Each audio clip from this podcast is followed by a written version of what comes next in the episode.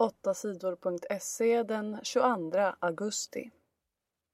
Svensk politiker dödades i Somalia. På onsdagen blev den 24-årige vänsterpartisten Abdirahim Hassan från Stockholm dödad i landet Somalia. Han var där tillsammans med andra från Vänsterpartiet. Hassan dödades när deras bil blev attackerad i huvudstaden Mogadishu. Ann-Margaret Liv var med i bilen. Hon är ledare för Vänsterpartiet i Stockholm. I en intervju i radioprogrammet Ekot berättar Liv om attacken. En massa män hoppade ur en bil och började skjuta. De försöker dra in mig i sin bil. Jag höll i mig allt jag orkade.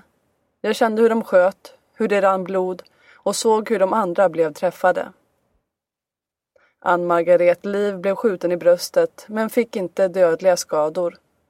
Kanske var attacken ett försök att kidnappa henne. Deras vakt dödades också. Förra veckan sa organisationen Läkare utan gränser att de lämnar Somalia. Det är för farligt att arbeta där. Många hjälparbetare har blivit attackerade, dödade och kidnappade i landet. FN vill undersöka attack i Syrien. Flera hundra människor dödades på onsdagen i en attack i Syrien. Stridsraketer slog ner i området Al-Ghouta utanför huvudstaden Damaskus. Människor i Al-Ghouta säger att det var giftig gas i raketerna. Gasen ska ha dödat och skadat alla människor som var i närheten. Många av de döda är barn. Människorna i Al-Ghouta säger att det var regeringens soldater som sköt raketerna. Länderna i FN höll ett krismöte i onsdags kväll. De vill att experter ska få komma till Al-Ghouta. Experterna kan avgöra om människorna dött av gas. Det är ett brott mot krigets lagar att använda gas. Om Syriens regering har gjort det kan länderna i FN straffa Syriens regering. Det finns många bilder av döda och skadade människor. Forskaren Britt Karlsson på Totalförsvarets forskningsinstitut har sett bilderna från Algota. Hon säger att det ser ut som om människorna är förgiftade av gas. Aktivister i träd kunde inte stoppa gruva.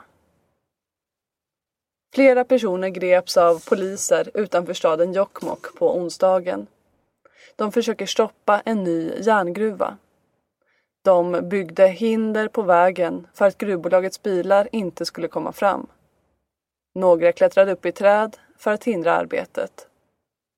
De som protesterar säger att gruvan förstör för samerna som har sina renar där. De är också oroliga för miljön. Först efter att poliser hjälpt till att ta bort aktivisterna kunde gruvföretaget börja spränga. Poliserna säger att protesterna antagligen kommer att fortsätta. Manning får långt straff. Bradley Manning döms till 35 års fängelse. Manning straffas för att han berättade hemligheter om USAs militärer. Han gav tusentals hemliga papper och filmer till sajten Wikileaks. En av filmerna visade hur amerikanska soldater dödade oskyldiga människor i landet Irak. Domstolen dömer honom bland annat för spioneri och stöld. Organisationen Amnesty säger att Manning genast borde släppas ur fängelset. Amnesty tycker att USA istället borde straffa dem som gjort krigsbrott. Amnesty kämpar för att människor inte ska straffas för att de säger vad de tycker. EU stoppar vapen till Egypten. Länderna i EU slutar att sälja vapen till Egypten. EU vill att allt våld i Egypten stoppas. Det gäller både militärernas våld och de som protesterar mot militärerna. Det bestämde EU-ländernas utrikesministrar vid ett möte på onsdagen. EU protesterar mot den senaste veckans våld i Egypten. Vi kräver att de som gett order om våldet ska straffas, säger Carl Bildt. EU har tidigare lovat Egypten hjälp med pengar. Det är inte säkert att landet kommer att få några pengar nu. Omkring tusen människor har dödats den senaste veckan. De flesta är människor som skjutits av militärer för att de har protesterat. De tillhör gruppen Muslimska brödraskapet och har protesterat mot att militärerna tagit makten i landet. Men också poliser och militärer har dödats av de som protesterar. Många kristna har också dödats och kyrkor har bränts. De kristna beskylls av en del i Muslimska brödraskapet för att vara på militärernas sida.